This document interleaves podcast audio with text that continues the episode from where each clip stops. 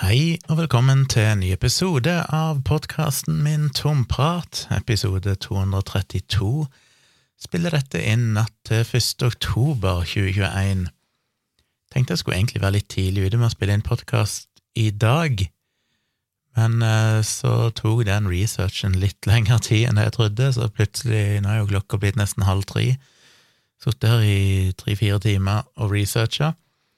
Grunnen til at jeg gjorde det, var fordi at jeg tenkte den researchen jeg gjør nå, kan jeg kanskje bruke til en bloggpost, hvis jeg gidder. Jeg får se. Så derfor noterte jeg mye. Men utgangspunktet for eh, det jeg har lyst til å snakke om i dag, som dessverre, og dere er herved advart, fortsatt handler litt om covid og vaksiner og sånne ting, eh, var at jeg leste to artikler her for et par dager siden som begge irriterte meg så mye. Og eh, det er min største svakhet, dette her med at jeg leser ting på Facebook, sosiale medier eller i avisene som er sånn Å, dette her, dette er jo ikke riktig, noen må si noe.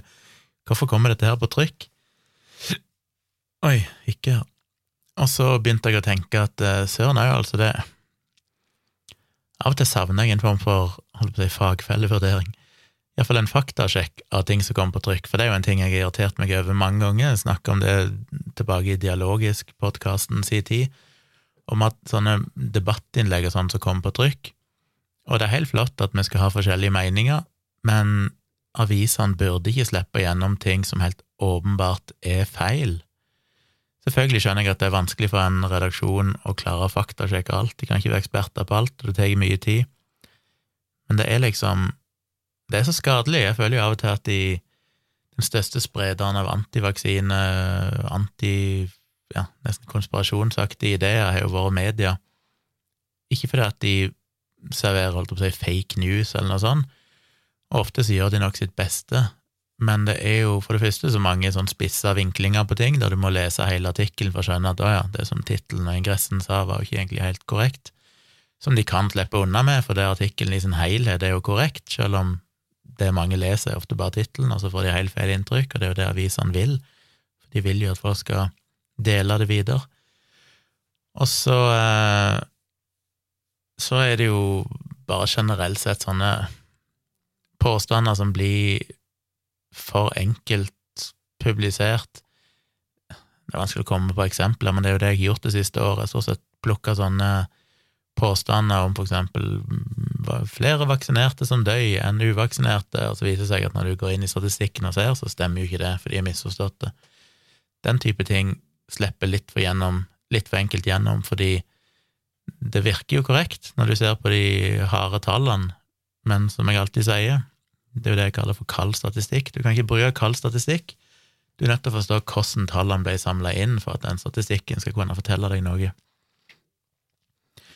Så jeg leste to artikler. Den ene var i Nettavisen, og la meg si det, forresten, at jeg, det var sånn Dette her må noen skrive noe om, men hvordan i verden skal jeg ha tid til det? Jeg har lange arbeidsdager, jeg har så mye annet å gjøre.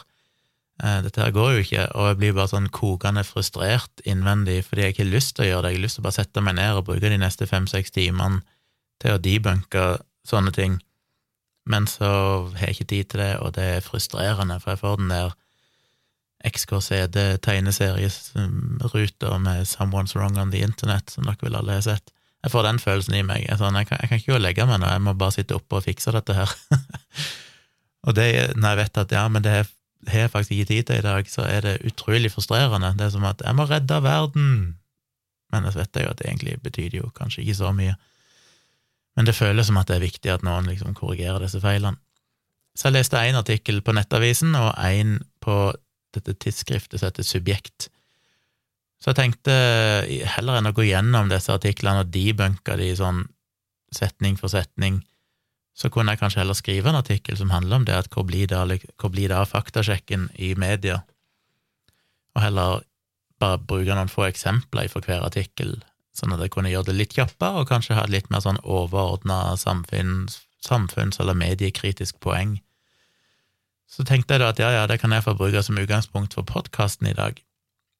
Så etter å ha sittet nå i noen timer og jobba med den subjektartikkelen, som jeg nå snart skal gå gjennom, så tenkte jeg, ja, så må jeg jo nevne den artikkelen i Nettavisen. Men da jeg fant den artikkelen i Nettavisen, så var den faktisk tatt ned. Og det gjorde meg jo glad på mange vis. Og så ser jeg da at eh, politisk redaktør Erik Stefansen har skrevet en artikkel der han rett og slett sier at eh, de måtte rett og slett ta ned et, dette debattinnlegget, for det, de ville ikke bidra til å spre falske påstander. Og eh, det må jeg jo si jeg setter pris på. Selvfølgelig var det jo en glipp i utgangspunktet at han slapp, slapp gjennom. De burde jo ikke publisert han i det hele tatt, for han fikk jo ligge ute Jeg vet ikke hvor lenge han lå ute, lenge nok til at jeg tilfeldigvis så han iallfall. Eh, så en del timer, han lå vel ikke ute et døgn engang. Men nok til at han sikkert ble lest og delt en hel del, og mange tror det er sant. Men der var det jo selvfølgelig de vanlige påstandene om at vaksinene gjorde mer skade, de drepte flere enn det de redda og sånn. Og heldigvis så fikk de jo ryddet opp i det og tatt den ned. Så da fikk jeg jo kanskje oppfylt ønsket mitt, som egentlig hele bloggen min skulle handle om, dette her med skikkelig faktasjekk. Det er godt å se at det, det, skjer, og godt å se at det skjedde hos Nettavisen i det tilfellet. Men den andre artikkelen, som er publisert i Subjekt, den er jo på ingen selvs måte så ekstremt feil som det den artikkelen i Nettavisen var. Eh, så det er jo kjempeflott at den i Nettavisen ble tatt ned.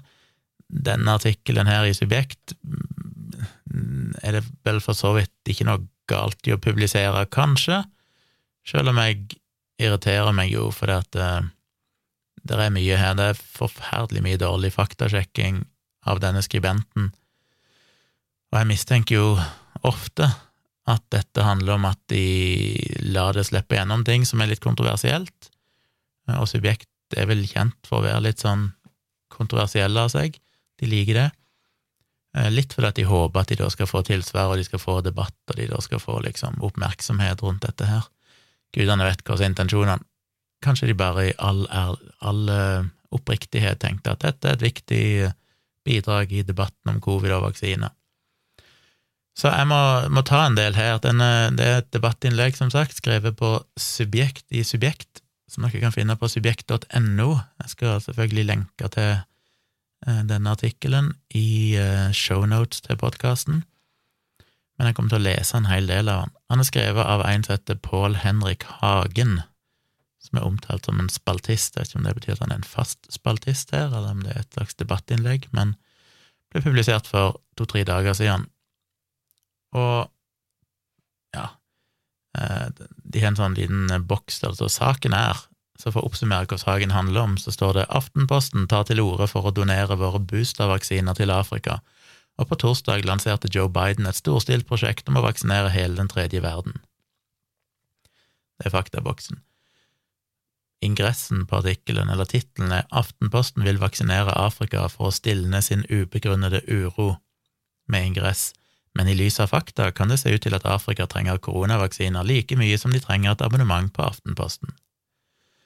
Så la oss se hva han skriver, jeg har sitert en del av de tingene her. Eh, han påpeker jo litt, og innleder jo med å fortelle hva Aftenposten har skrevet i et par sånne ledere de siste månedene, der temaet har vært at um, istedenfor å gi boosterdoser til nordmenn, så bør de heller gi til Afrika, som jo er akkurat det samme som jeg sjøl har sagt gjentatte ganger. Eh, nå har ikke jeg lest det som Aftenposten har skrevet, for det, når jeg klikker meg inn på linkene, så ser jeg jo de ligger bak betalingsmur, så jeg hadde ikke fått lest det uansett. Jeg er ikke abonnent på Aftenposten, men ut ifra den oppsummeringen han gir, så er jo det et, et, uh, budskap jeg er helt enig i. Og De påpeker der at uh, bare 4% av Afrikas befolkning så langt er vaksinert. Nå var det vel et Ja, de kommer jo ikke til å ha vaksinert mange ved utgangen av året engang, så kommer det bare til å være noen mindre enn eh, en fjerdedel eller noe sånt som kommer til å være vaksinert. Nå husker jeg ikke tallet, jeg leste den plass, men iallfall, det står ganske dårlig til med tanke på at i vestlige land så er jo alt ifra 60 til over 80% fullvaksinert. Så Afrika henger jo langt bakpå. Men så skriver han sitat Aftenposten forteller ikke hvilke av Afrikas 1,4 milliarder mennesker som skal begunstiges med våre få millioner dessertvaksiner, eller konkret hvordan massevaksinasjonen skal foregå med tilstrekkelig effektivitet i det konfliktherjede kontinentets jungel, slum, ørken og savanne. Sitat slutt. Og det er jo for så vidt riktig at det er utfordrende å vaksinere, drive massevaksinasjon i Afrika. Men jeg skjønner ikke helt argumentet hans. Er liksom da poenget at fordi det er vanskelig, så burde vi ikke bidra med vaksiner? De vaksinene vi kan bidra med, er uansett altfor få til å klare å vaksinere de som til og med er lett tilgjengelig i Afrika, i de store byene osv. Ja, det er vanskelig å vaksinere alle plasser. Eh, enkelte land er veldig ustabile, farlige. Områder i Afrika er vanskelig tilgjengelige og farlige. Og det er krevende, definitivt, men det er vanskelig å se at det er et argument mot å ønske å gi flere vaksiner til Afrika. For en betydelig andel av befolkningen der kan fortsatt vaksineres, relativt enkelt, fordi de bor i byer og bor i områder som er lett tilgjengelige. Hadde vi klart det, så ville jo det vært en enorm seier i seg sjøl. Så det blir jo en sånn merkelig argumentasjon som en ofte ser igjen. Det er sånn ja, men dette er mye vanskeligere enn det Aftenposten tror, så derfor er forslaget deres idiotisk. Men i realiteten så ville jo alle i vaksinene den vestlige verden har tenkt å, å donere via dette Covax-samarbeidet og sånn, vil jo ikke være nok til å vaksinere de som er lett tilgjengelige engang, sannsynligvis, så det er jo et fryktelig meningsløst argument. I tillegg så er det jo andre jeg har og googla og lest en del artikler om dette. Det er jo mange andre som mener at Afrika kanskje er bedre stilt enn mange andre land til å få vaksinert, nettopp fordi at de i så mange år har hatt massive vaksineprogrammer mot tuberkulose og andre sykdommer som herjer der nede, meslinger og, og sånn, der blant annet Verdens helseorganisasjon og andre organisasjoner har jobba tett med lokalbefolkningen og har en god infrastruktur for å distribuere vaksiner og få satt vaksiner. Så en betydelig del av befolkningen der nede er tilgjengelige, og der er det allerede en infrastruktur, selv om den selvfølgelig ikke er så god som den skulle vært hvis vi skulle klart å vaksinere alle på en enkel måte. Eh, og det som har vært problemet i mange av disse landene, eksempel Nigeria, som vaksinerte ganske effektivt fram til i sommer i gang, og så måtte de stoppe fordi de gikk tom for vaksiner. Så det store problemet er jo ikke at det er vanskelig å få vaksinert folk, det store problemet er at de ikke har nok vaksiner. De ønsker å vaksinere, det er folk som er tilgjengelige for å vaksinere. Um, som jeg nevnte tidligere, så har jeg jo en bekjent i Kenya som jeg eh, sender penger til jevnlig, og han skriver meg mailer, og han sier at han venter på vaksine ennå. Han har jo veldig lyst til å bli vaksinert, men de har jo ikke nok vaksiner. Han nevnte vel for øvrig at de hadde fått tilbud om en vaksine fra Kina, men den var det veldig få som ville ha, for de stolte ikke på at den var god nok. Og jeg må innrømme, jeg har ikke satt meg godt nok inn i akkurat de kinesiske vaksinene men jeg skjønner jo kanskje skepsisen, selv om har han en liten effekt, så vel det bedre enn ingenting. Men det er iallfall vanskelig å få tilgang på gode vaksiner der nede, eller vaksiner i det hele tatt. Han skriver videre, sitat, Heller ikke blir vi henvist til en kredibel autoritet som kan bekrefte den illevarslende informasjonen at utelukkende uvaksinerte er farlige yngleplasser for mutasjoner, mye mulig fordi dette ikke er bevist på noen tilfredsstillende måte. Sitat slutt. Så der serverer han jo selvfølgelig den vanlige om at eh, det ikke finnes noen dokumentasjon, ikke noe bevis for at det er bare uvaksinerte som er farlige yngleplasser for mutasjoner. Men eh, det er jo helt korrekt, det er ikke noe bevis for det, for det er heller ingen som har hevda det noen gang. Det er på ingen selvs måte sånn at det er bare uvaksinerte som kan eh, føre til mutasjoner i virus, som jeg forklarte vel senest i forrige episode så er jo det helt tilfeldig. Risikoen er akkurat den samme i en vaksinert som i en uvaksinert, hvis du først blir smitta. Uh, ja, det er ikke helt korrekt, fordi at antall virus over tid vil være mindre i en vaksinert som blir smitta, som vi skal komme tilbake til, og som jeg òg snakket om i forrige episode. Så hvis du tenker deg at risikoen for mutasjon er jo basically direkte proporsjonal med antall virus som får mutert, eller får replikert seg i en kropp. Så hvis du i en vaksinert person har mindre andel virus totalt sett i løpet av hele perioden, altså peak-nivået kan være det samme som hos en uvaksinert, som jeg fortalte i forrige episode, men det synker mye raskere i en vaksinert, og derfor vil totalt sett være mindre virus i en vaksinert enn en uvaksinert. Eh, men risikoen sånn teknisk sett, hver gang et virus replikeres, så kan det oppstå en mutasjon. Det er ikke noe forskjell på det i kroppen til en uvaksinert sammenlignet med en vaksinert. Det er ikke noe drivkraft, det er ikke noe krefter i kroppen til en vaksinert eller en uvaksinert som driver fram den risikoen. Den er bare helt tilfeldig. Men jo flere virus replikerer, jo større er risikoen.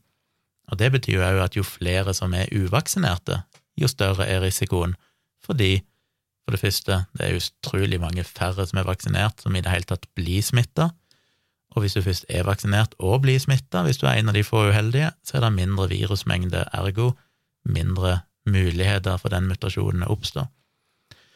Så han har rett i at det ikke utelukkende hos uvaksinerte at dette kan oppstå, men rent matematisk og statistisk så vet vi at det fortsatt er sånn at det er mye større sjanse totalt sett hvis mange er uvaksinerte, enn hvis de fleste er vaksinerte. Så den påstanden hans er jo rett og slett feil. Han skriver videre, sitat, noen langsiktig strategi kan det ikke kalles, for formodentlig må også afrikanere ha boosters, og hele problemet vil gjenta seg årlig. Nåværende vaksiner er heller ikke tilstrekkelig tilpasset deltaviruset, for ikke å nevne kappaviruset eller dommedagsviruset, men egentlig laget for alfaen fra Wuhan, en beta-versjon med andre ord. Dermed skal Afrika gis en vaksine med mindre enn optimal effekt, og kan dermed ikke utelukke fortsatt sykdom og smitte med medfølgende hypotetiske mutasjoner. Igjen en argumentasjon jeg ikke skjønner i det hele tatt det blir liksom litt den samme som at hvis ikke vaksinen er 100 effektiv, så kan du like godt droppe den. Jeg mener en vaksine som er 50% effektiv, vil ha betydelig effekt.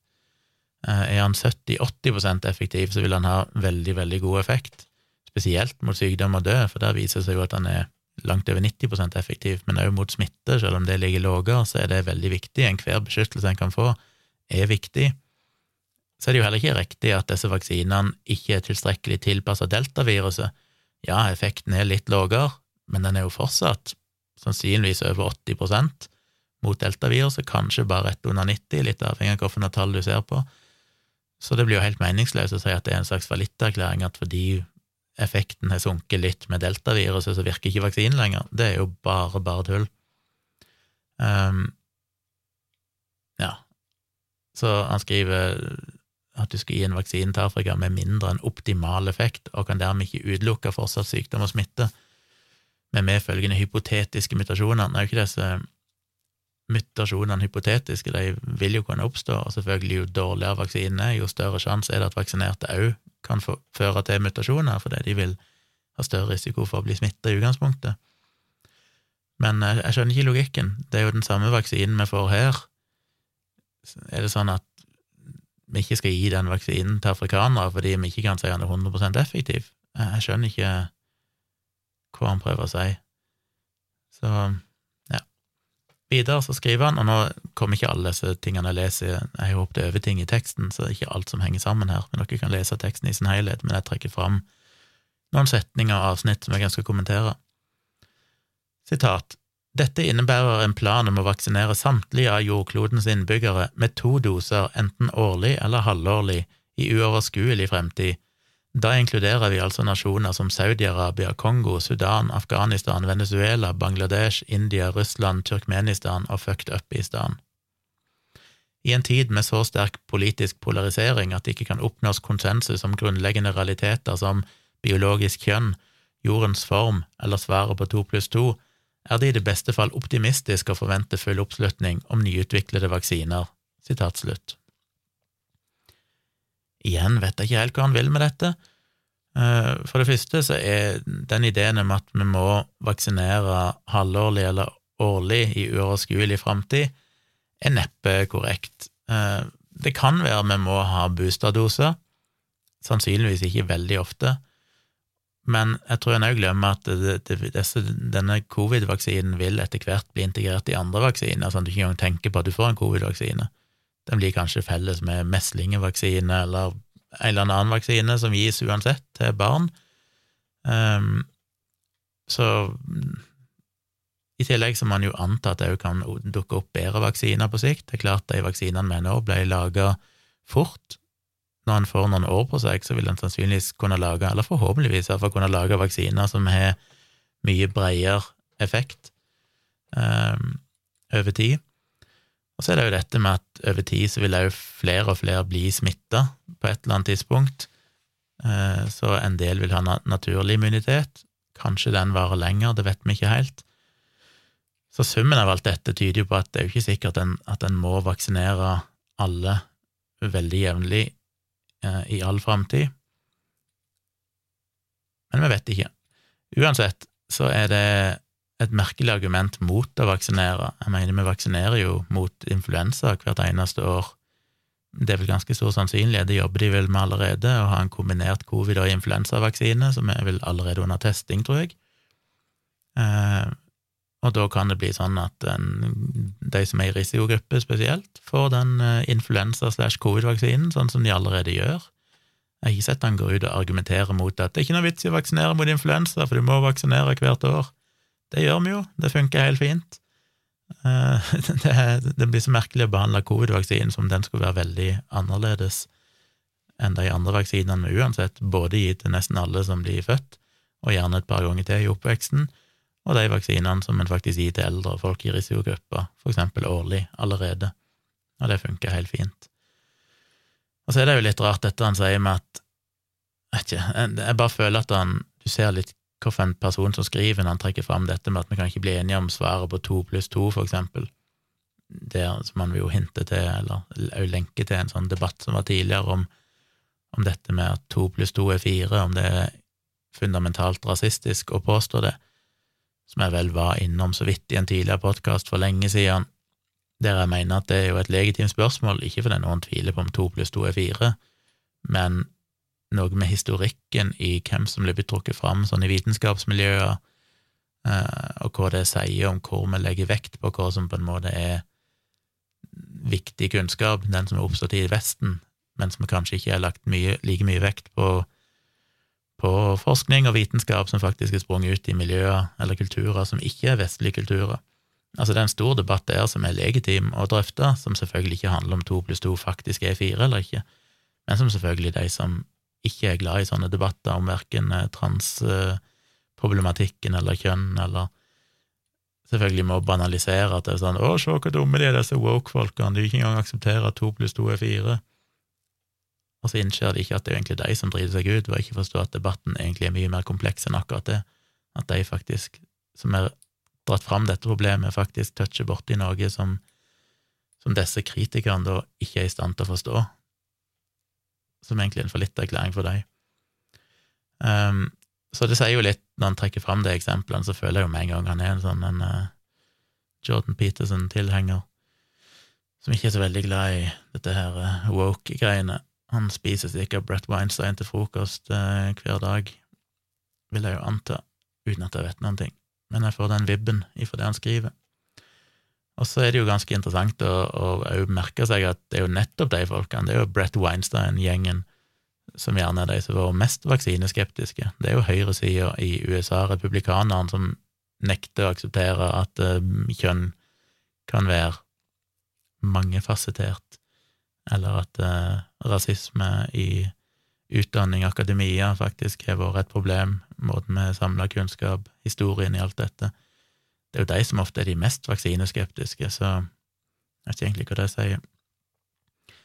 Han fortsetter videre angående dette som kanskje er noe av kjerneargumentasjonen hans, om at eh, covid ikke egentlig er så farlig i Afrika. Så skriver han sitat Enkelte har hevdet at u-landene ikke evner å registrere smitte og dødsfall. Det er jo en mulighet, men like fullt en ubekreftet hypotese. Men hvis gatene i Kampala og Nairobi var fylt opp med uregistrerte lik, så skulle man tro at en eller annen journalist hadde fått snusen i det. Det er tross alt den beste storyen du kan skrive i disse dager. Sitat slutt. Så igjen sier han det som han gjorde tidligere, med å si at en ubekreftet hypotese, eller dette ikke bevist, ergo så kan vi bare anta at ikke det er sant. Um, bare det å skrive at det er en mulighet eh, grunnen til at smitte og dødstall i Afrika er så lave, er fordi de kanskje ikke er så flinke til å registrere og teste og sånn, er jo ganske fascinerende, for det er jo en selvfølge. det, det er jo ikke noe å diskutere at land med et mye svakere helsevesen enn det vi har i Norge og den vestlige verden, selvfølgelig har mye mindre testing, både av økonomiske årsaker, men også fordi de ikke har en infrastruktur til å gjøre det på samme måten. Jeg mener jeg skrev i en tidligere bloggpost, uh, muligens i den om Ivar Mektin og Afrika Jeg er litt usikker om jeg skrev det, men iallfall en artikkel jeg fant der, så jo på hvor mange dødsfall blir faktisk registrert i Afrika sammenlignet med Europa. Og i Europa så er det vel, jeg husker ikke noe tallet, men der er det vel over 99% av alle dødsfall blir faktisk registrert, og liksom du får det inn i offentlige registre. I Afrika så var jo tallet, jeg husker ikke hva det var, men det var liksom et par prosent eller et eller annet sånt av alle dødsfall. Og det er ikke noe med covid å gjøre, altså lenge før covid, bare generelt sett, så er det jo ekstremt dårlig journalføring av dødsfall i Afrika. Så det, da sier det seg sjøl at når folk plutselig dør av covid, så er det ikke som at de plutselig begynner å registrere de dødsfallene. Eh, og som jeg nevnte i den Ivar Mektin-bloggposten òg, så er det sånn som i Tanzania, der presidenten sa at nei, covid er ikke noe problem, og han nekta å offentliggjøre og registrere noen informasjon om smitte og covid, så der var jo basically tallet null, eh, helt fram til i vår en gang da han døde, muligens av covid, ironisk nok, og ble overtatt av en annen president som sa han skulle, skulle jobbe sammen med, med folk som kunne supplere vaksiner og, og, begynne å rapportere tall igjen og sånn. Ikke at de var så gode til det etter det heller, men det er iallfall blitt bedre enn det det var. Men alt dette tyder jo på at selvfølgelig er det en underregistrering av smitta dødsfall. Og det er litt interessant, for det, han viser til, til noen artikler som eh, jeg skal komme tilbake til, som drøfter litt dette her, hvorfor er dødstallene i, i Afrika så lave? Og, i, og det finnes tonnevis av sånne artikler og forskningsartikler eh, som prøver å drøfte dette, liksom hvorfor har Afrika sluppet så billig unna? Og så kommer de med noen hypoteser som jeg skal komme tilbake til seinere. Men alle nevner på en måte bare i en bisetning at det, ja, men det, det er nok òg kanskje sånn at det er underregistrert, men så drøfter de ikke det så mye mer. Nå, hele greia er jo at ja, men selvfølgelig er det underregistrert, og det burde jo være det sentrale før dere begynner å drøfte disse hypotesene, så burde en iallfall prøve å finne ut hva er de reelle tallene her. Så jeg gjorde litt uh, research på det, og det var det som tok Det tok jo ganske lang tid uh, for å prøve å finne det, for det er mangelfull forskning på dette. Men generelt sett så er det veldig få land i Afrika, jeg tror det var åtte land totalt i Afrika, som blir regna for i det hele tatt ha et system for å registrere dødsfall, generelt sett, som jo sier litt eh, om hvor dårlig det står til. Eh, så fant han artikler blant annet fra Kenya, som jo står mitt hjerte nært, siden jeg har bodd der tidligere i mitt liv, et par år. Eh, der er det en som skriver ja, Sånn apropos det han skribenten her skriver om at hvis hvis, hvis gatene i Nairobi var fylt opp med uregistrerte lik, så skulle en tro at noen liksom hadde lagt merke til det. Men da er det jo en her som sier at uh, the deaths have become so common that coffin maker Peter Monene, who operates near the county referral hospital, says, I cannot keep up with the orders. You sell a coffin to one family, and barely a week later they come for another. It's too much. Så det er en artikkel som handler om nettopp dette, om at det er store dødstall, og du finner ikke lik i gatene, nei, men du ser jo litt sånn som i India, når, de måtte begynne å kremere mange, mange ganger flere enn de tidligere hadde gjort, langt over det som ble gjenspeila de offisielle dødstallene fra India. Så ser han det samme i Kenya, at de som lager kiste, for eksempel, eh, ser jo at det, det er mye flere dødsfall enn normalt en annen plass i artikkelen så sa han vel noe sånn om at dette er jo bra for businessen min, da, men uh, han tjente jo gode penger på dette, men han måtte innrømme at det var litt trist allikevel, at det faktisk var folk som, som døde for at han skulle tjene mer penger. En annen uh, var vel helseministeren, tror jeg, i Å, oh, fuck, hva land var det? Ja, det var vel Kenya skrev at uh, people are dying in numbers, but we cannot give evidence that the community death occurs as a result of COVID-19 complications when issues of pathology are absent at counties, she said. Med andre ord, de ser at det dør veldig mange, men de har ikke noe De har ikke muligheten, de har ikke, ikke ressursene til å drive og undersøke og sjekke om disse folkene faktisk døde av covid eller ikke, men de registrerer jo at det er fryktelig mange som dør plutselig og disse blir jo da ikke registrert som covid-dødsfall, for de blir jo verken testa før eller etter de dør. Så da er det klart at dødstallene fremstår som lave. Det er noen andre studier som har funnet at for eksempel i Zambia så undersøkte de en hel rekke folk som lå på et sånn likhus, som var døde i en viss periode, jeg lurer på om det var tilbake i høsten 2020. Når de testa likene, så fant de at én av fem av de hadde covid, eller koronasmitte men uh, basically ingen av de var jo registrert som covid-dødsfall. Så én av fem av de som døde, døde av covid i løpet av den perioden, og allikevel så er det nesten registrert ingen dødsfall, eller veldig få, iallfall. I en annen studie fra Etiopia, fra Khartoum, byen, så fant de at uh, bare 2% av alle covid-dødsfall faktisk ble registrert. Så det betyr at det er sannsynligvis 50 ganger mer dødsfall for covid enn det som faktisk blir oppdaga og registrert, uh, iallfall i den byen, og det er vel kanskje mulig å generalisere til ganske mange andre områder eller land i Afrika.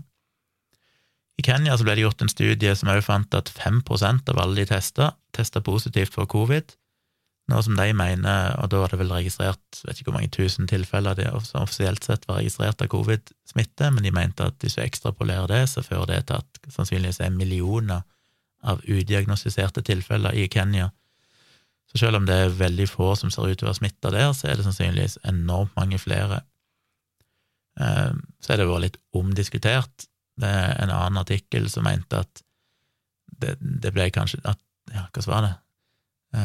At antall dødsfall sannsynligvis ble massivt underrapportert, men at det kan være at antall smittetilfeller ble noe overrapportert akkurat i den studien, fordi de testa ei gruppe som hadde ekstra høy risiko, eller et eller annet sånt, jeg husker ikke helt hva detaljene var der. Jeg, hvis jeg blogger om det, så skal jeg lenke til alle kildene.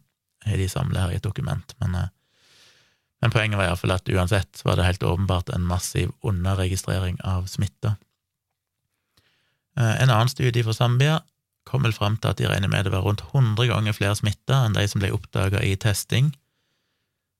Så ja, igjen en enormt under, underregistrering. Så når han skriver, han er skribenten i subjektet, at det er sånn, ja, kanskje er det underregistrering av smitte og dødsfall, men det vet vi jo ikke, for det er jo ikke bevist, så han tydeligvis ikke brukt mye tid på å sjekke studiene. Nei, det er ikke noen sånne enormt sterke bevis men det er mange studier som har funnet at det helt åpenbart er under, underdiagnostisert smitte, blant annet fordi de tester veldig lite. Det er få som lar seg teste, det er noe med kulturen òg, om hvor tid du skal teste deg, og sånne ting. Det er jo ikke sånn som i Norge, der mange tester seg eh, i forbindelse med jobben, eller at de har vært i nærkontakt med noen smitta og sånne ting, der det blir anbefalt å teste deg. Mens i Afrika så er det ofte mer sånn at du må faktisk utvikle symptomer før de i det hele tatt vurderer å teste deg. Så det gjør jo at eh, andelen som tester seg, er mye lavere. Og de veldig mange plasser så er det selvfølgelig ikke mulig å teste seg engang, fordi folk bor på plasser der det ikke finnes noe sykehus og ikke finnes noe system for testing. Han skriver videre, sitat, i en artikkel fra 16. august med tittelen The impact of COVID-19 has been lower in Africa, forsøker tre professorer i henholdsvis global helse, infeksjonssykdommer og epidemiologi å finne mulige forklaringer på hvorfor Afrika slipper så billig unna. Og det er for så vidt en interessant artikkel. Klager å finne den igjen, tror jeg, i full fart. Burde jeg jo hatt framme her, er så mange faner at jeg finner den ikke igjen. Men det er ikke så nøye. Eh, poenget er at de finner jo forskjellige ting. Én ting er for eksempel den mest rådende hypotesen, som går igjen i mange sånne artikler som jeg har lest, er jo dette med selvfølgelig lavere alder. Medianalderen i iallfall Afrika sør for Sahara er vel 18 år, mens sånn i Europa sånn ligger opp mot ja, 40-50 år, eh, eller noe sånt. Så det er klart at det er veldig, veldig høy andel unge folk i Afrika, fordi de ofte dør mye tidligere. Eh, mindre sjanse for faktisk å bli gammel. Og det gjør jo at færre dør av covid, fordi at covid, som jeg sa i forrige episode òg, altså risikoen for å bli alvorlig syk og dø av covid stiger jo helt eksepsjonelt mye jo høyere opp i alder du kommer. Det er ikke noe lineær stigning, men det er sånn at når du kommer over en viss alder, så går jo kurva rett i taket. Så, så, det vil jo ha en, en, effekt. Så det er det andre ting. Noen mener at de kan ha vært utsatt for andre koronavirusvarianter tidligere, sånn at det finnes en slags immunitet i befolkningen. Noen mener at det er fordi det er for lite sykehjem. Lite eldre folk havner ikke på sykehjem, og mye av smittespredningen hos gamle og de mest sårbare i vestlige land iallfall i begynnelsen av pandemien, var gjerne på sykehjem, der det spredde seg vilt, før en liksom fikk innført uh, skikkelig smitteverntiltak, og ikke minst før de i det hele tatt fikk noen vaksiner, som jo tok uh, tre kvart år. Mens i Afrika, når du er gammel, så blir du tatt vare på av familien, og da er det færre, da er du i kontakt med færre, det er ikke masse helsepersonell som springer fram og tilbake og sånn, og det kan jo bidra til mindre smitte. Men igjen så er jo det spørsmålet er det virkelig så mye mindre smitte, eller er det bare fordi det ikke faktisk blir registrert og testa? Så det vet vi jo ikke sikkert, så derfor blir den diskusjonen litt hypotetisk. Eh, men den artikkelen han viser til, handler jo da egentlig bare om dødsfall, og ikke om smitte generelt sett. Og når det gjelder dette med mutasjoner, for eksempel, så er det jo smitte som er det viktige, ikke nødvendigvis hvor syke de blir, eller at de dør. Så det blir jo et sånn dårlig argument mot vaksinering, for vi vil fortsatt vaksinere for å unngå smitte, selv om det kanskje dør færre personer av covid i Afrika, hvis det stemmer. Og det er ikke usannsynlig at dødeligheten i Afrika er lavere enn den har vært i andre land, der det er høyere gjennomsnittsalder, men det er jo fryktelig lite å si på hvor mange som faktisk blir smitta av det, for det kan du bli i like stor grad om du er ung eller gammel, stort sett. Og så går han jo over igjen, da, som jeg begynner å skjønne liksom hvor han kommer ifra, han her skribenten, for han må jo selvfølgelig innom disse Joe Rogan-argumentene, uten at han nevner Joe Rogan, men han skriver først et eller annet om at fedme er en stor risikofaktor, D-vitamin og ernæring er viktig for å bekjempe covid, og skriver da sitat likevel hører vi lite til ingenting om hvordan personlige valg kan minimere risiko, bortsett fra valget om å vaksinere seg, sitat slutt. Og dette har jo ranta mange ganger. Bare for å være helt konkret, for først når det gjelder D-vitamin, så skriver han jo eksplisitt at det har en beskyttende effekt, og viser til en, en enkelt artikkel. Det er jo fryktelig dårlig kildebruk, for når du liksom må finne én avisartikkel som mener å si at en studie viser at eh, D-vitamin ser ut til å ha noe å si, så kan du begynne å lete litt. Sjekker du for eksempel Cochrane, som jo blir regnet som liksom gullstandarden innenfor eh, medisinsk forskning, der de gjennomfører systematiske litteraturgjennomganger og metaanalyser for å se hva det egentlig vi vet. Ikke at Cochrane er ufeilbarlig på noe selvs vis, men det er iallfall en, en god kilde å gå til.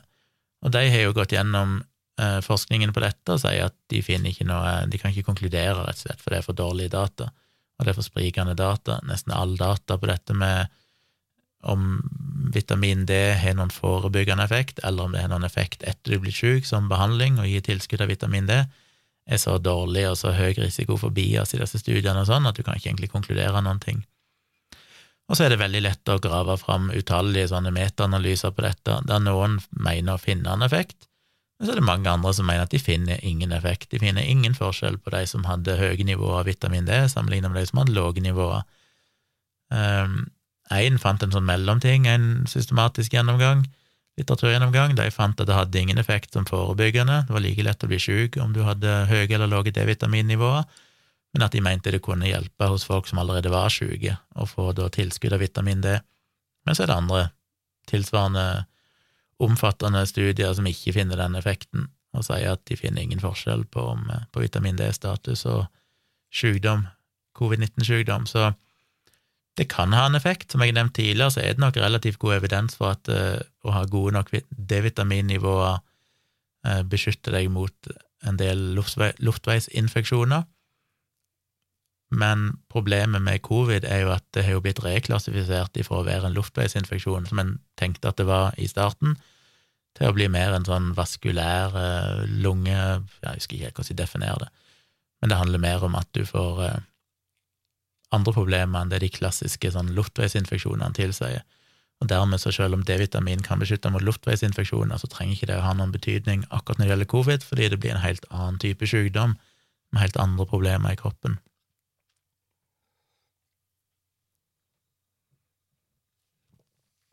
Colapause.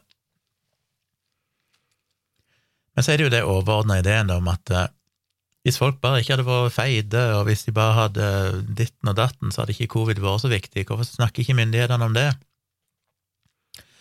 Og det er jo en merkelig ting å si, for at myndighetene har jo snakka om det i 50-60 år.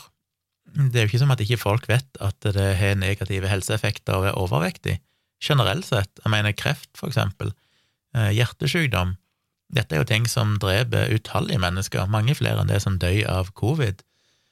Men folk gjør ikke noe med det. Det er jo ikke som at fordi myndighetene påpekte dette, så så har plutselig alle gått hen og begynt å trene og spise sunt. Om så myndighetene hadde gått ut i starten av pandemien og sagt øy, det er en økt risiko for å bli alvorlig syk og dø av covid hvis du lider av fedme, så tror jeg ikke det hadde ført til at plutselig så hadde gjennomsnittsvekta i Norge sunket betydelig. Um, det er liksom sånn det blir litt som å si at ja, hvis alle bare hadde vært sunne og friske, så hadde det ikke vært så mange syke. Da Det vet vi, det er vi fullstendig klar over. Vi vet at uh, livsstilssykdommer utgjør en betydelig del av helseproblemene i, i, i befolkningen.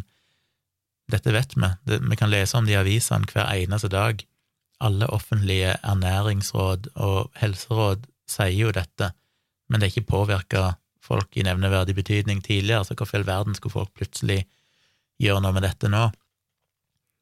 Pluss at det jo baserer seg på en idé som irriterer meg, mye sånn som Joe Rogan og han skribenten her, den ideen om at det å være slank og sunn bare er et personlig valg. Alle kan bli det hvis de bare bestemmer seg for det. Hvis ikke du gjør det, så er du basically uansvarlig og lat. Og sånn er det jo ikke. Dette henger jo tungt sammen med psyken til folk, med økonomien til folk, med stressnivået i livet deres. Det er så mange ting som er langt utenfor folk sin kontroll. Ja, teknisk sett er det kanskje mulig, men det er forferdelig, forferdelig vanskelig. Det er ikke som at folk som er overvektige, i veldig stor grad har valgt at du, jeg ønsker å bli overvektig, sier bare faen. Stort sett så er det jo fordi at eh, folk skulle selvfølgelig ønske at de var så sunne og friske som de kunne. Jeg vil tro de fleste ønsker å leve et langt liv med lite sykdom, men det er ikke bare bare å gjøre noe med det. Og det er jo masse kognitive biaser som gjør at selv om vi kanskje vet det, så prioriterer vi andre ting som er viktigere i livet, og så videre. Eh, jeg mener, om det er én ting som skaper helseproblemer i dette landet, så er det jo alkohol. Vi vet jo at alkohol fører til en betydelig andel av krefttilfellene i dette landet, opptar en betydelig andel av alle sengeplasser i sykehus. Eh, det er så massive problemer. Hadde vi eliminert alkohol, så hadde vi jo redusert så ufattelig mye problemer, alt fra kriminalitet til sykdom. Dette vet jo folk. Det er ikke som at ikke vi er blitt fortalt at alkohol er farlig, men folk prioriterer likevel alkohol fordi de gir dem en annen verdi i livet som de syns er viktigere der og da. Og sånn vil det være med alt, eh, inklusive meg sjøl. Jeg har jo disse evige kampene i hodet mitt, sånn er det virkelig verdt å drive og telle kalorier og stresse med å prøve å holde vekt? Jeg ikke bare leve livet og spise og nyte ting så lenge jeg lever, ikke sant? Det er sånn evige interne kamper en driver med. Og jeg har det jo relativt enkelt, vil jeg anta. Jeg har nok mye mer mulighet til å bestemme meg for å gjøre det enn det mange andre har, som er i mye vanskeligere livssituasjoner, eller sliter med psyken på måter som ikke jeg gjør, som gjør dette vanskelig. Så det å, å påpeke dette er jo idiotisk, for jeg vil jo gjerne sett han skrev det samme når det gjelder alkohol, da. Er han òg en sånn notorisk motstander av alkohol, fordi at øy, folk må jo ta seg sammen. Folk som får kreft av å etter å ha drukket, eh, de fortjener bare. Jeg drikker selvfølgelig ikke alkohol, så nei, det er veldig sånn tendensiøst at en plutselig trekker fram det akkurat når det gjelder covid, bare fordi at det er et sånn enkelt argument, argument å bruke hvis en ønsker å argumentere mot vaksinering eller mot myndighetene sine anbefalinger, når du ikke gjør det samme når det gjelder alt annet av folkehelseproblemer som alltid eksistert og alltid kommer til å eksistere. Så det er en provoserende ting å gjøre, og si, både fordi at eh, han skriver likevel hører vi lite til ingenting om hvordan personlige valg kan minimere risiko. For det første, det vil neppe hatt noen betydning. For det andre, ja, for det, også fordi at jeg mener, det er ikke som at hvis du er lider av fedme, så kommer de fleste til å plutselig bli normalvektige i løpet av noen måneder. Det er jo en lang prosess eh, for de fleste. Så det vil neppe funke. Eh, I tillegg så vil det neppe ha så enormt stor betydning, fordi effekten vil ikke bli så veldig stor. Og så er det jo noe med at du da legger skyld over på enkeltindividet.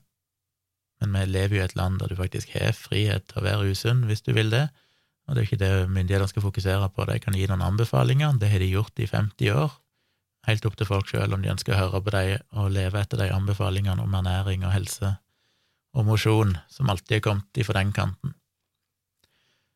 Så går han over til å begynne å sammenligne dette med malaria. Han skriver sitat, i 2019 var det om lag 385 000 dødsfall av malaria i Afrika. Til sammenligning har det hittil dødd 206 000 av covid i Afrika siden pandemien start, hvorav Sør-Afrika alene står for 86 000 av dem, og nordafrikanske land står for 61 000. Subsaharisk Afrika har dermed hatt 59 000 covid-relaterte dødsfall i en befolkning på 1,1 milliarder, de står derimot for 94% av alle dødsfall fra malaria. Så la meg først si at jeg er helt enig i at det selvfølgelig er enorme store helseutfordringer i Afrika utenom covid, men vi skal komme litt tilbake til det. Men han bruker jo som tall at det er døyt 206 000 av covid i Afrika, og baserer seg da på offisiell statistikk, som jo da mest sannsynlig har en massiv underrapportering. Jeg mener, vi så jo i India at analyser der tyder på at det var kanskje ti ganger flere som hadde dødd enn det som ble rapportert av, indisk, av indiske myndigheter. En kan kanskje anta at det er det samme, minst, i Afrika. Så det han kaller for 206 000, kan godt være to millioner. I så fall så er jo det seks ganger flere enn det som av malaria. Så kanskje trekker jeg for litt, da, siden dette er halvannet år, mens han snakker om årlig av malaria. Men la oss si det er fire millioner da, som har dødd i løpet av et år. Det er vanskelig å sammenligne. Poenget er at bare en mikroskopisk undertelling av tall fra covid-dødsfall vil fortsatt gi eh, flere covid-dødsfall enn malariadødsfall. Så han setter det opp som at det er flere malariadødsfall enn covid, men det er vel nesten null sannsynlighet for at det faktisk er tilfellet, fordi hvis de bare har underregistrert med 50% så vil det fortsatt være betydelig flere covid-dødsfall enn malariadødsfall, og det er det jo veldig sannsynlig at de har. Samtidig vet vi ikke hvor presise de malariadødsfallene er heller, da. Eh, men de har en i hvert fall hatt tall på i mange flere år, og det har vært hjelpeorganisasjoner sånn, som jobber med malaria i flere tiår i Afrika, så jeg vil jo anta at de tallene er sannsynligvis mer korrekte, fordi de har mye mer data å gå ifra. Men så er det jo en idé om at Eh, ja, så han skriver videre, rent faktisk er, eh, sitat, rent faktisk er altså malaria et mye større problem i denne regionen, og det rammer mye mer brutalt. Likevel hører vi lite om å redde afrikanske barn fra en unødvendig tidlig død av malaria. Sittat slutt. Men hva mener han om det? Likevel hører vi lite om å redde afrikanske barn fra en unødvendig tidlig død av malaria. Nei, du hører ikke så mye om det hvis ikke du følger med i det hele tatt. Hvordan kan du ha unngått å få med deg at vi gjør ganske mye for å bekjempe malaria i Afrika? Det er ikke som at nei, det er det ingen som bryr seg om. Se her! Her kommer denne skribenten og opplyser oss om at det dør mange mennesker av malaria, så det er ingen som bryr seg. Jeg prøvde å finne noen tall på det, og det er vanskelig, for det er mye Det er komplisert. Det er jo en dagsjobb å bare prøve å sile igjennom, men sånn noenlunde så tror jeg jeg forsto det som at for eksempel USA bruker rundt én milliard dollar mot malaria hvert eneste år. Ehm, det har vært i perioden 2000 til 2016 så er det vært en global økning i bistanden for å bekjempe malaria på rundt 18% per år, som betyr at det er en ganske massiv økning år etter år. Ehm, så vidt jeg kunne se, så er det rundt fem milliarder dollar som blir brukt globalt i kampen mot malaria. Og hvis vi ser på Norge, så fant jeg jo nå at i 2020 så ble det bevilga to milliarder kroner ifra Norge for perioden 2020 til 2022, så da betyr vel det at det er en eh, rundt 700 millioner i året, i så fall, eh, blir gitt til det globale fondet for bekjempelse av aids, tuberkulose og malaria. Så 700 millioner til bekjempelse av aids, tuberkulose og malaria fra Norge alene, det er jo ganske mye penger. Det er ikke som at Norge ikke bryr seg, de gir faktisk flere hundre millioner i bekjempelsen av disse sykdommene hvert eneste år, og vi vet at det førte denne kampen mot Nei, den norske bistanden førte, førte til 131 millioner myggnett i 2018, så det har jo definitivt blitt gjort noe. Jeg ble litt usikker om det var den norske bistanden eller den globale. Det må kanskje være den globale, det må kanskje være det globale fondet totalt sett førte iallfall til 131 millioner myggnett i 2018 alene. Eh, og det fondet der står jo for 65% av den globale malariainnsatsen som Norge da bidrar til. Så ja, det er vanskelig å si at ikke vi bryr oss om malaria. Samtidig så er det ikke noen vaksine mot malaria ennå. Det er vel eh, tegn vel nå på at det er Nå husker jeg ikke helt hva de siste nyhetene der er men de jobber jo definitivt med det. Nå husker jeg ikke helt om det er kommet en vaksine som de endelig fant skulle være effektiv, og hvordan det går med den. Men foreløpig er det iallfall ikke noen massevaksinasjon mot malaria. Men det er jo ikke umulig at det kommer i framtida. Men den ideen om at vi ikke snakker om malaria og ikke bryr oss om det, er jo veldig, veldig merkelig. Det er jo definitivt en massiv eh, internasjonal og norsk bistand nettopp for å jobbe mot blant annet malaria i Afrika, så det bryr vi oss i aller høyeste grad om. Så kan en selvfølgelig diskutere tallene. Eh, nå ble det jo, hvis vi snakker om disse boosterdosene, da, som er, argument, eller som er kjernen i argumentet, siden Aftenposten mente vi burde gi dem til eksempel Afrika eller andre lavinntektsland, så ser jeg nå at Norge har bevilga 3,5 milliard til å kjøpe inn 10 millioner nye vaksinedoser i 2022 til 2023. Det vil basically da si boosterdoser. Så hvis tanken er å vaksinere rundt fem millioner nordmenn, så er vel det da to doser per nordmann, som vel kanskje er med tanke på at du kanskje trenger en boosterdose i 2022, og kanskje en ny en i 2023. Det vet vi jo ikke. Dette er jo ikke vaksiner de har kjøpt, men det er midler de er satt av i tilfelle det blir nødvendig. Eh, eller mulig at de forplikter seg til å eller de forhåndsbestiller dette sånn at de kan utløse et salg hvis de trenger det. Vet ikke hvordan det fungerer, men iallfall. Så det er jo da 1,7 milliarder per år, som er større enn det vi gir til malaria, helt korrekt. Men over tid så vil jeg jo tro at eh, malaria fortsatt vil overta over lengre tid, fordi at det vil være en kontinuerlig trussel, men sannsynligvis er dette en sånn engangsgreie. Vi kommer neppe til å bruke så mye penger på boosterdoser framover. Så målt over for eksempel en tiårsperiode generelt sett, så bruker vi nok Norge mye mer på å bekjempe malaria i Afrika enn det vi har brukt på boosterdoser til oss sjøl. Ehm, ja,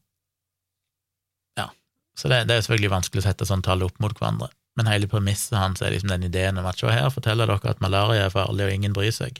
Og realiteten er selvfølgelig at det vet jo alle, og Norge har i mange år gitt mye penger for å bekjempe malaria, og over tid sannsynligvis kommer til å gi mer til det enn de kommer til å gi i, uh, i det verdien hadde vært hvis vi hadde gitt disse boosterdosene til afrikanske land istedenfor.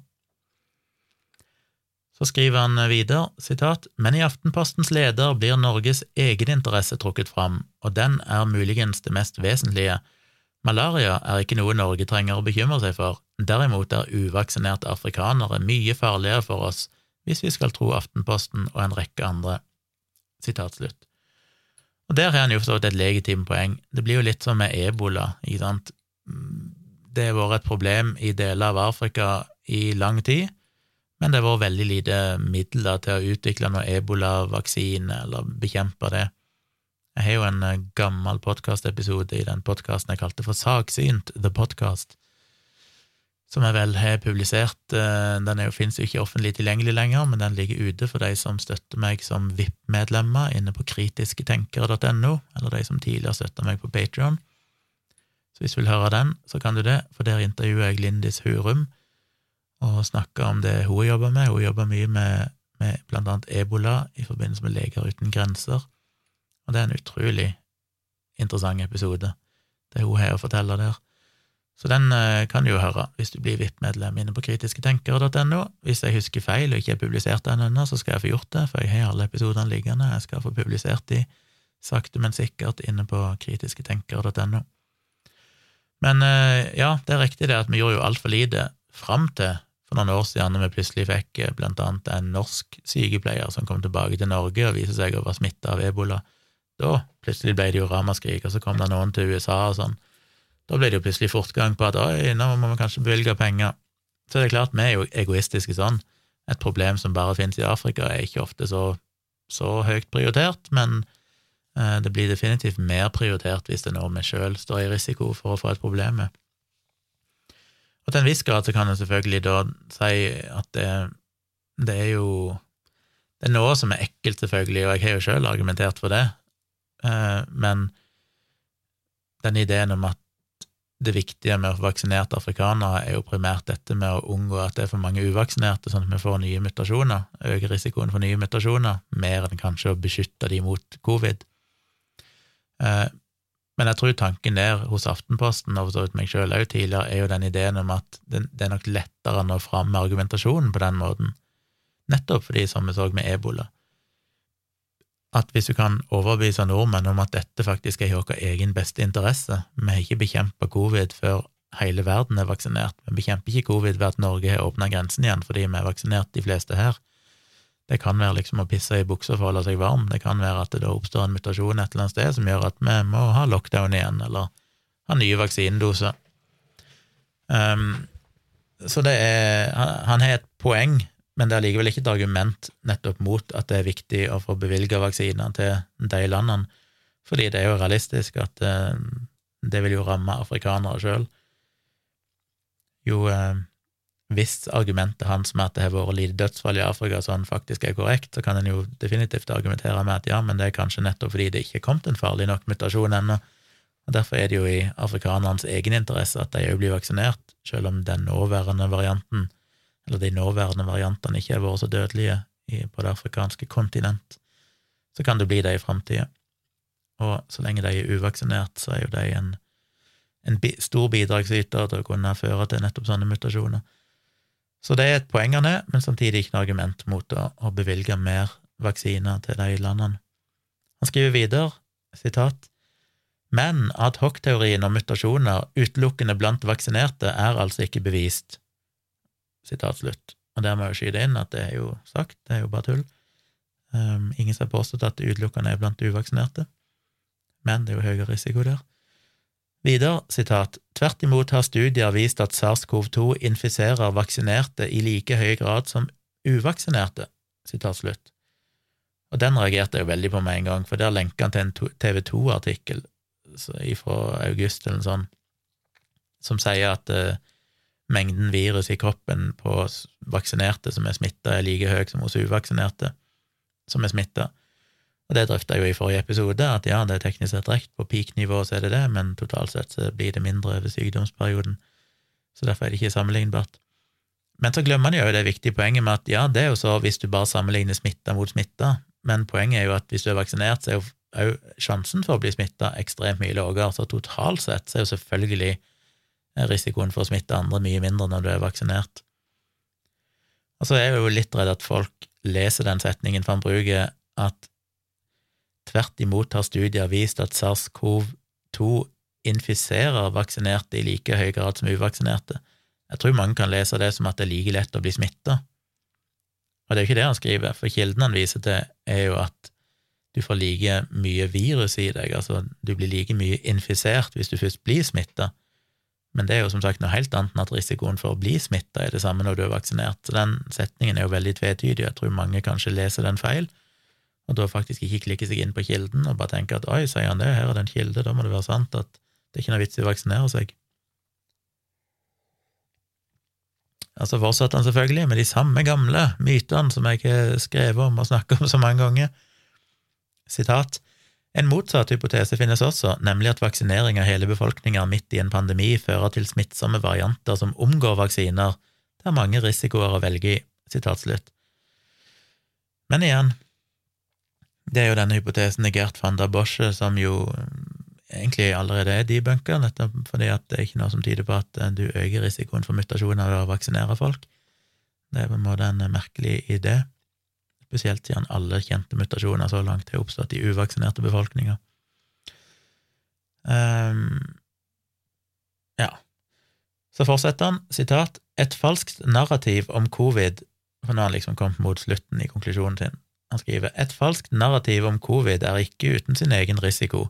Subsaharisk Afrika har innført nedstengninger etter kinesisk og etter hvert vestlig modell, og det har hatt enorme kostnader for dets skjøre økonomi og har forringet muligheten for å behandle sykdommer som hiv, aids, malaria og tuberkulose. En million mennesker dør hvert år av hiv-aids i Afrika, og ingen vaksine foreligger. I 2016 døde 417 000 av tuberkulose i Afrika, en sykdom det har eksistert vaksine mot i 100 år. Sitat. Igjen så er jeg jo litt usikker på hva han vil med det. Ja, det er ikke noen vaksine mot hiv-aids, selv om det jo faktisk er under utprøving nå, basert på vel mRNA-teknologi, hvis jeg ikke husker feil.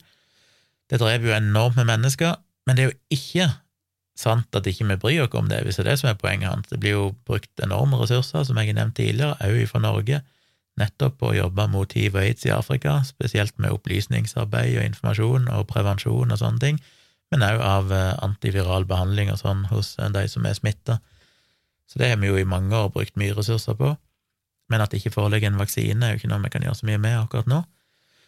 Så skriver han òg om tuberkulose. Igjen så bruker han et dødstall som sannsynligvis er lavere enn antall covid-dødsfall, men det får han jo ikke med seg, siden han bruker de offisielle tallene for covid-dødsfall, som sannsynligvis er massivt underrapporterte. Så allerede der svikter jo for så vidt sammenligningen hans. Men han skriver at det er en sykdom det har eksistert vaksine mot i 100 år, og så er vel kanskje da poenget at mm, det tydeligvis ikke virker så godt å drive og vaksinere i Afrika, når de tydeligvis dør så mange allikevel som jo er ganske usaklig, for dette handler jo selvfølgelig om helt andre ting enn det. Du kan ikke bruke de tallene opp mot hverandre uten å diskutere hvor mange blir smitta i utgangspunktet og sånne ting. Men det er riktig det at vaksinen har eksistert i omtrent 100 år, altså BCG-vaksinen mot tuberkulose, men den er ikke så god. Og det er jo litt av problemet. Det er en dårlig vaksine, den er ekstremt mye dårligere enn covid-vaksinene. For det første så virker den primært bare hos babyer og små barn. Han virker i veldig liten grad hos voksne. Eh, nå var det en nyere studie som mente å finne at han kunne beskytte så mye som 50% 10-20 år etter at du vaksinerte unger. Men det betyr jo fortsatt at i beste fall så var i en halvveis beskyttelse fram til du er 10 år, kanskje fram til du er 20 år, men etter det så er det liten effekt. Så BCG-vaksinen virker dårlig. Blir du smitta i voksen alder, så, eh, så er det lite du kan gjøre. Du kan ikke vaksinere deg som voksen, egentlig, med noen særlig god effekt. Det gjelder i Afrika, det var riktignok en annen artikkel jeg fant som sa at effekten ser ut til å være mye bedre i for eksempel Skandinavia eller Europa. Eh, der har en en bedre effekt på voksne, og det er komplisert. Det kan være litt andre variasjoner av tuberkulosebakterien og andre ting som gjør det, men det ser faktisk ut til at å vaksinere voksne i Europa kan ha en mye bedre effekt enn å vaksinere voksne i Afrika mot tuberkulose. Så det er jo interessant. Men uansett, det er en grunn til at det dør mange av tuberkulose i Afrika fortsatt, på tross av vaksinen. Det er jo fordi at han, altså estimater for hvor godt vaksinen virker, blir regna fra 0 til 80 for BCG-vaksinen. Det er vel fordi det handler om hvilken alder du får den i. Vaksinerer du småbarn, så virker den relativt godt, men den virker ikke lenge. Så det beskytter primært småunger og babyer for å bli smitta av tuberkulose en viss tid, men ikke så mye etter det. Eh, heldigvis er det jo da nye kandidater på vei. Nå er det vel mm, leser en plass 14 eller sånn nye eh, tuberkulosevaksiner under testing. Og det ser ut til å kunne komme en revolusjon der nå i løpet av de neste årene, der du får nye vaksiner som virker mye, mye bedre enn BCG-vaksinen. Og det vil kunne, mener noen, redde mange millioner liv i Afrika i årene framover. Så igjen, det er jo ikke som at det er en motsetning her mellom covid og tuberkulose. Vi vaksinerer, jeg så i, i land som har tuberkulosevaksinen som en del av vaksineprogrammet i Afrika, så blir jo over 80 av barn vaksinert. Så mm, vi vaksinerer jo massivt mot tuberkulose i Afrika. Det er ikke som at ikke vi ikke bryr oss om det. Det at det fortsatt dør mange personer av tuberkulose i Afrika, er jo fordi vaksinen er dårlig, eh, men det blir sannsynligvis forbedra. Så hvis du da får en vaksine mot tuberkulose som er like god som covid-vaksinen, så vil det jo være rart om man skulle argumentere med at ja, men det er ikke noe vits i å vaksinere i Afrika, fordi det er jo enda flere av aids, så hvorfor skal vi gidde å vaksinere med tuberkulose? Eller det er ingen som bryr seg om tuberkulose, når en nettopp da har utvikla enda nye og bedre vaksiner som en bruker mye penger på å få vaksinert i Afrika. Så jeg skjønner ikke argumentasjonen hans, jeg skjønner ikke hvordan det henger sammen. Han har et poeng i at ja, det er enorme andre lidelser i Afrika annet enn covid. Covid blir jo kanskje sånn sett en eh, bare én av mange ting som folk dør av der, uansett.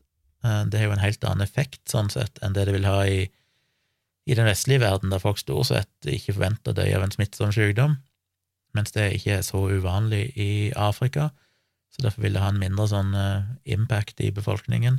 Men det betyr ikke at det ikke i realiteten dør fryktelig mange mennesker der nede, og at det ikke er utrolig viktig å få vaksinert de av mange grunner. Så skriver han videre mot slutten, sitat, i lys av fakta fremstår det som at afrikanere må vaksineres slik at vi kan beholde våre forestillinger om korona og rettferdiggjøringen av vår smittevernstrategi, for det afrikanske unntaket utfordrer mange av premissene og antakelsene som ligger til grunn for covid-håndteringen i den vestlige verden. Og da blir mitt spørsmål hvilke? Det, jeg skjønner ikke helt hva han sikter til der. Hvorfor noen selv om det er et unntak i Afrika, hvorfor i verdens Altså, unntaket mener jo han da at det er ikke så mange som dør i Afrika. Men han har jo sjøl allerede forklart at den mest sannsynlige forklaringen på det er at folk er yngre der. Og så har han jo underbrukt tall, offisielle tall, som jo sannsynligvis er kanskje ti ganger lavere enn det de reelle tallene er, sånn at det egentlig ikke er så få dødsfall. Så jeg skjønner ikke helt hva han mener egentlig er greia med Afrika, at det utfordrer premissene og antakelsene som ligger til grunn for covid-håndteringen i den vestlige verden. Det Han jo, han nevner ingen eksempler, og jeg kan ikke tenke meg han er dekning for noen av dem. Det utfordrer jo ikke premisset om at en bør vaksinere oss her, at det definitivt har virka, har hatt en enormt positiv effekt, og er den eneste måten vi faktisk kan bekjempe viruset på, på en permanent måte. Du det utfordrer ikke det gjennom lockdown eller smittevern.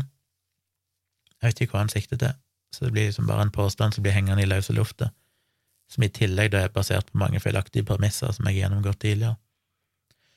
Han skriver videre, kanskje prøve å forklare det, da, så skriver han videre, sitat, Vesten, sammen med WHO, spiller nå alt på ett kort, vaksinering.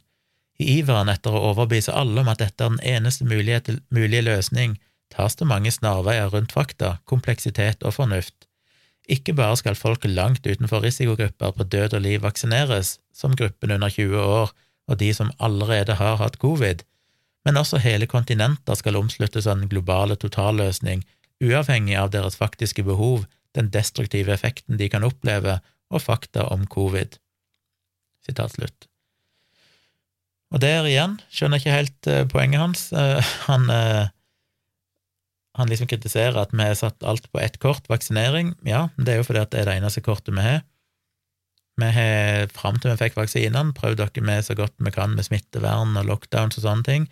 Det har definitivt funka og redusert antall dødsfall, men det har jo samtidig allikevel fram til vaksineringa begynte, døyd mange millioner mennesker.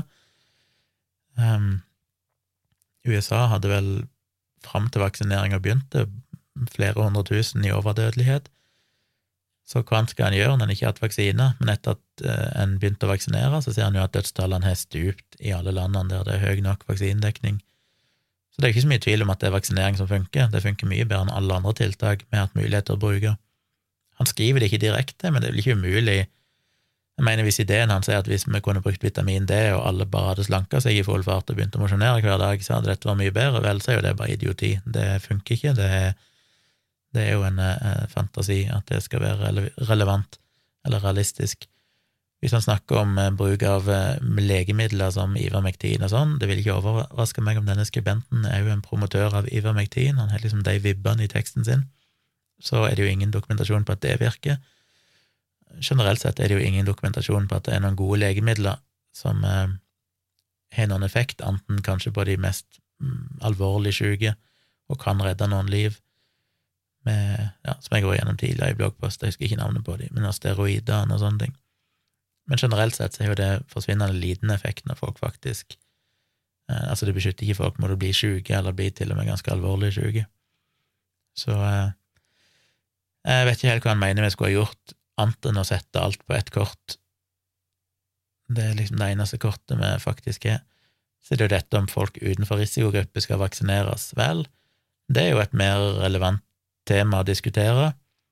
Mm, skal en vaksinere folk under 20 år? Skal en vaksinere de som allerede har hatt covid?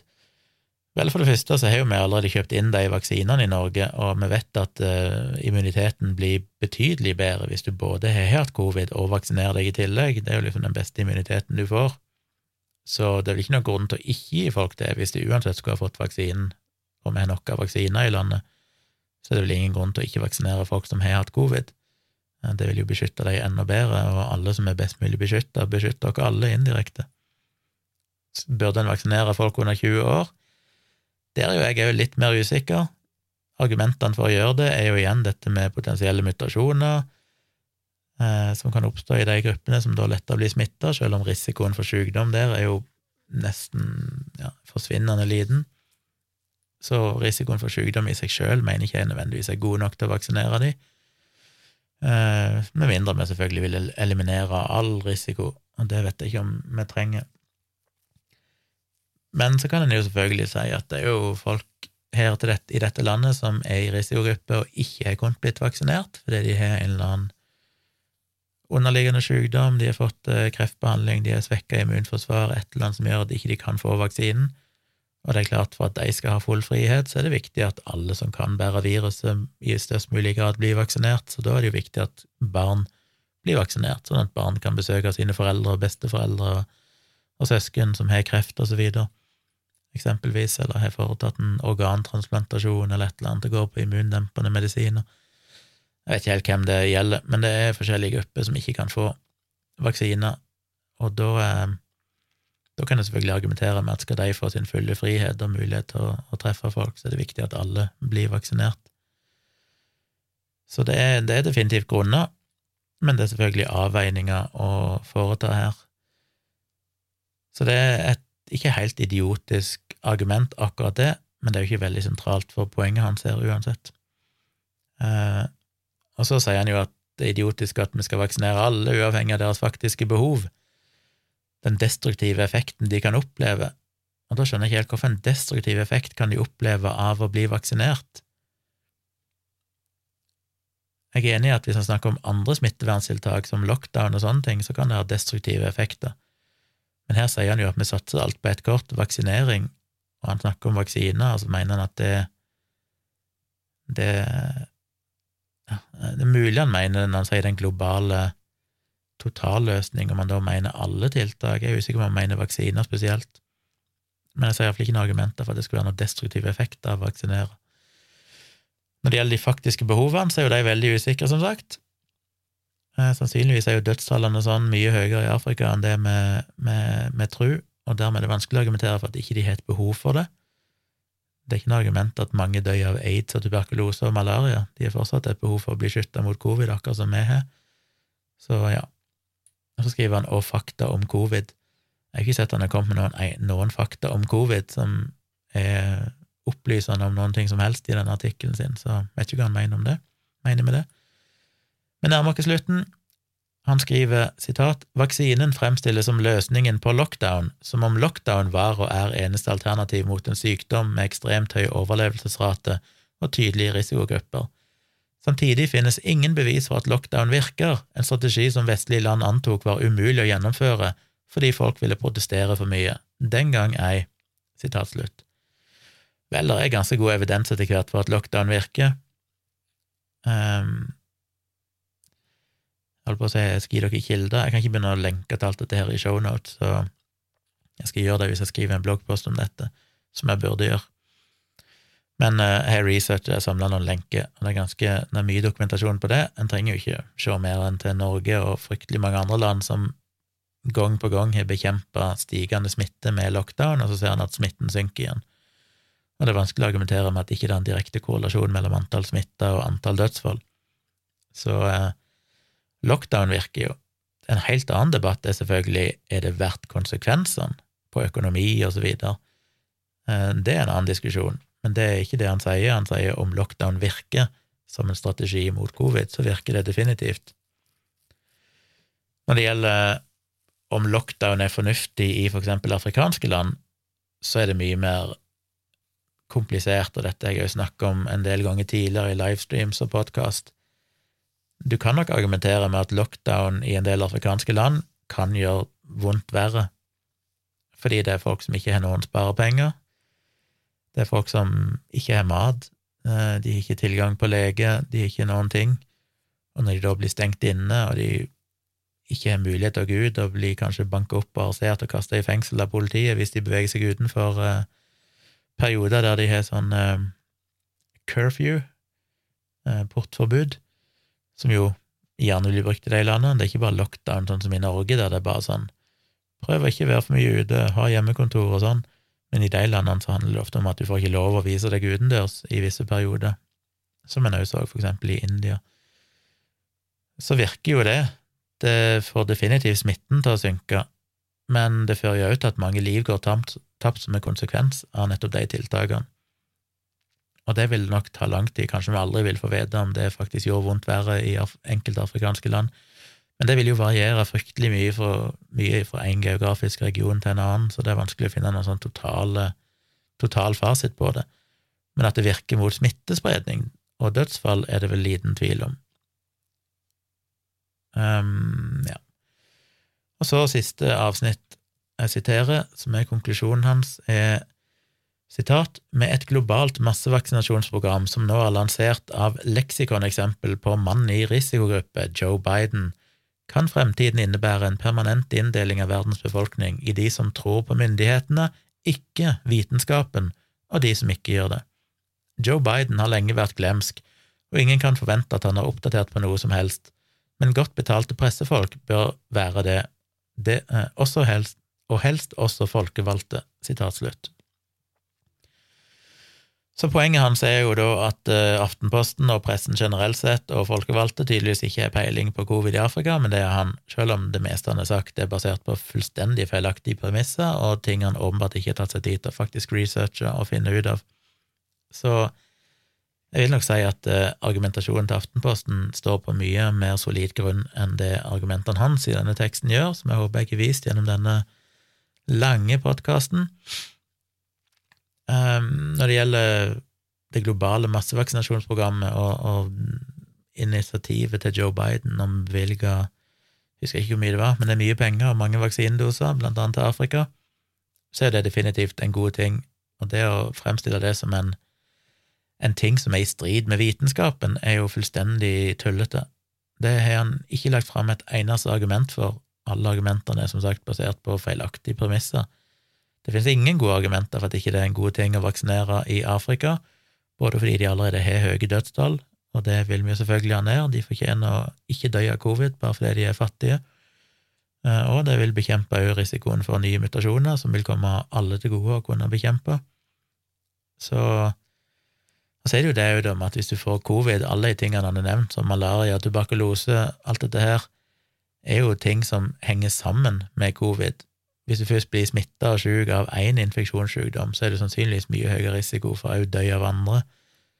Så det henger sammen. Kan vi bekjempe covid, så vil òg de tingene han har trukket fram som liksom farligere ting, eller ting mange allerede dør av, òg føre til eh, eller redusere risikoen for å dø av de tingene. Så det er jo en bonusgevinst at Og det har en jo sett i Afrika, at når du vaksinerer mot meslinger, for eksempel, så synker dødeligheten mer enn bare meslingdødsfall. Og det vet vi jo, for det får du meslinger, for eksempel, så svekkes immunforsvaret ditt i flere år, og det gjør deg mer utsatt for for eksempel tuberkulose og andre ting. Så å vaksinere mot meslinger kan også beskytte mot helt andre sykdommer enn meslinger, sånn at det beskytter de lavere dødelighet enn den dødeligheten som meslinger sjøl står for. Og det kan også gjelde covid. Vaksinerer du mot covid, så kan du kanskje redusere dødeligheten mer enn bare dødeligheten ifra covid i seg sjøl. Så ja, det var en gjennomgang. Jeg håper dere eh, fant det interessant. Eh, kanskje dere lærte noe. Jeg har gjort det litt i motsatt rekkefølge. Jeg pleier jo å blogge først, og så snakke om det i podkasten, men nå brukte jeg heller researchen her som innholdet i en podkast, så får jeg se om jeg blogger om det etterpå. Til slutt så må jeg bare rante bitte grann om noen anbefalinger, for å liksom komme over på et litt mer positivt og hyggelig tema. Jeg må anbefale Netflix sin Kjærlighet på spekteret, sesong to. Jeg så jo ganske nylig sesong én og snakka jo om den i podkasten. Sesong to sto ikke tilbake for sesong én. Eh, den var vel om noe nesten bedre. Det kom inn en ny De hadde jo noen av de samme karakterene, så var det noen nye autister som kom inn. Skal ikke kalle de autister. Personer med autisme. Personer på autismespekteret. Eh, og han ene av dem var jo bare, altså Han var altså så fantastisk, jeg kunne ha spist han opp. Han så jo, Med en gang du så han, så tenkte jeg Jesus, han så ut som en seriemorder. Klassisk prototyp på en seriemorder. Men han var jo så trivelig, han var så fascinerende, for han, han var altså så Han så ut som han var tatt ut av en sånn britisk eh, herskapsfilm. Eh, så ut som om han skulle ha levd for 100 år siden i måten han styla seg sjøl på, og måten han snakka, ikke minst. Han brukte sånne ord som folk flest gjerne ikke bruker, og formulerte seg på sånne intrikate, komplekse måter som er bare sånn en fryd å høre på. Herregud, for en herlig fyr. Og så skal jeg ikke spoile noe for deg som ikke har sett det, men det er jo det er jo en scene i en dinosaurpark, for de som vet hva jeg snakker om, som bare var altså så rørende, og det ender jo opp i ett giftermål, i løpet av sesongen, som jo bare fikk meg til å sitte og grine og grine og grine, for herregud, noe så herlig og fint. Meg og Tone sitter i sofaen og ser det sammen, og jeg må sitte med, med beina i kryss foran ansiktet i, i, synsfeltet, sånn at ikke hun ser ansiktet mitt, for jeg sitter jo bare der og hun sitter og kommenterer det sånn 'Å, så herlig', og så har jeg lyst til å svare, men jeg klarer det ikke, for jeg er så klump i halsen, og jeg har ikke mulighet til å få ut en lyd, sitter bare og rister og skjelver i hele kroppen, for jeg blir så rørt. Nei, herregud, faen Det er sånn jeg, jeg, Generelt sett, når jeg leser sånne covid-artikler og desinformasjon, så mister jeg jo troen på menneskeheten, men når du ser kjærlighet på spekteret, så får du tilbake igjen troen på menneskeheten, for Jesus, for noen fine folk. Så den må dere bare se, både sesong én og sesong to på Netflix. Fyr løs. Vi har jo nettopp sett ferdig The Circle, sesong tre, som er jo på Netflix. Eh, er jo veldig bra. Nå forteller halsen meg at jeg må slutte. Um, jeg elsker jo The Circle sesong én, syns det er det beste omtrent reality-showet jeg har sett på TV. En Netflix-produksjon. Sesong to imponerte meg òg, den var like bra som sesong én. Sesong tre syns jeg var kanskje litt dårligere. Litt fordi jeg ikke digga Det var alltid sånn par karakterer, deltakere, i de første to sesongene som jeg digga. Kanskje fordi de hadde med noen skikkelig hotte babes, som jeg alltid likte. Det mangla litt i denne sesongen, men det tok seg opp mot slutten. Jeg ble mer og mer engasjert mot slutten, som jeg ofte gjør med The Circle. De første episodene er ofte litt kjedeligere. Enten sesong én, kanskje, for da er det liksom et nytt konsept, og det er spennende, men i sesong to så er det liksom ok, du kjenner konseptet, det tar litt lengre tid før det begynner å bli spennende, men i hver sesong så er det jo nye, nye twister og helt nye ting som skjer, sånn at du får stadig vekk overraskelser. Men det var allikevel herlig i sesong tre, på slutten, når de endelig får se hverandre og får se hvem som var fake, og hvem som ikke var fake, og sånn, og det er jo alltid bare sånn et høydepunkt, det er altså så gøy. Så jeg vil anbefale dere å sjekke ut The Circle, jeg gidder ikke forklare hva det handler om engang, dere får google det. Eh, og til slutt må jeg jo si at det er kommet enda en sesong av Papirhuset, hva er vi på nå, sesong fire, fem, jeg vet ikke. Men det er jo som sagt, jeg har vel nevnt det tidligere, men det er jo elsker den serien, vi har bare fått sett én episode så langt. Mulig jeg sa det i forrige episode, jeg husker ikke. Men hvis ikke dere har sett Papirhuset, på, også på Netflix, sjekk det ut. En av de beste seriene som er laga. Så ufattelig spennende. Det er litt slitsomt at han er på spansk, så du må liksom lese teksten hele tida for å følge med, hvis ikke du tilfeldigvis kan spansk. Og det gjør det litt mer krevende å følge med. Men uh, etter en liten stund så venner en seg til det, så glemmer en at de snakker spansk, og så bare går det inn. Så den gleder jeg meg til å se resten av. Vi har bare sett første episode av denne sesongen, som sagt. Jeg vet ikke helt hvor det bærer hen, men uh, fantastisk bra. Så må jeg jo si at uh, jeg reiser på ferie på lørdag. I morgen blir jo det, egentlig. I høstferie, så jeg tror ikke jeg kommer med noen episode på tirsdag, for vi er ikke tilbake igjen i Oslo før onsdag. Uh, med mindre jeg kommer med en sein episode. Mulig jeg gjør det, for å se hva jeg rekker. Men på onsdag så må dere bli med på VI-prat, for da kommer altså Wasim Sahid og skal være med onsdag kveld. Jeg husker jeg så ikke helt uh, tidspunktet. Når var det jeg endte opp med å sette det? Var det klokka Skal sjekke det i full fart her. Klokka ti. 6. oktober, altså. Onsdag 6. oktober klokka ti så er det VI-prat inne på kritisketenkere.no. Da må dere være VIP-medlem eller mer for å kunne delta, så gå inn på kritisketenker.no, registrer dere, bli VIP-medlem, snarest mulig, så dere får med dere den praten. Vi skal snakke om folkeopplysning i alle kanaler, så da snakker han om YouTube-arbeidet sitt, og sikkert TV og alt han har drevet med.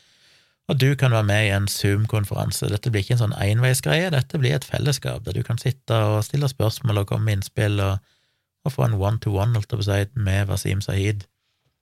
Ikke one-to-one, for det er andre der òg, men, eh, men det kan du hvis du har webcam og mikrofon.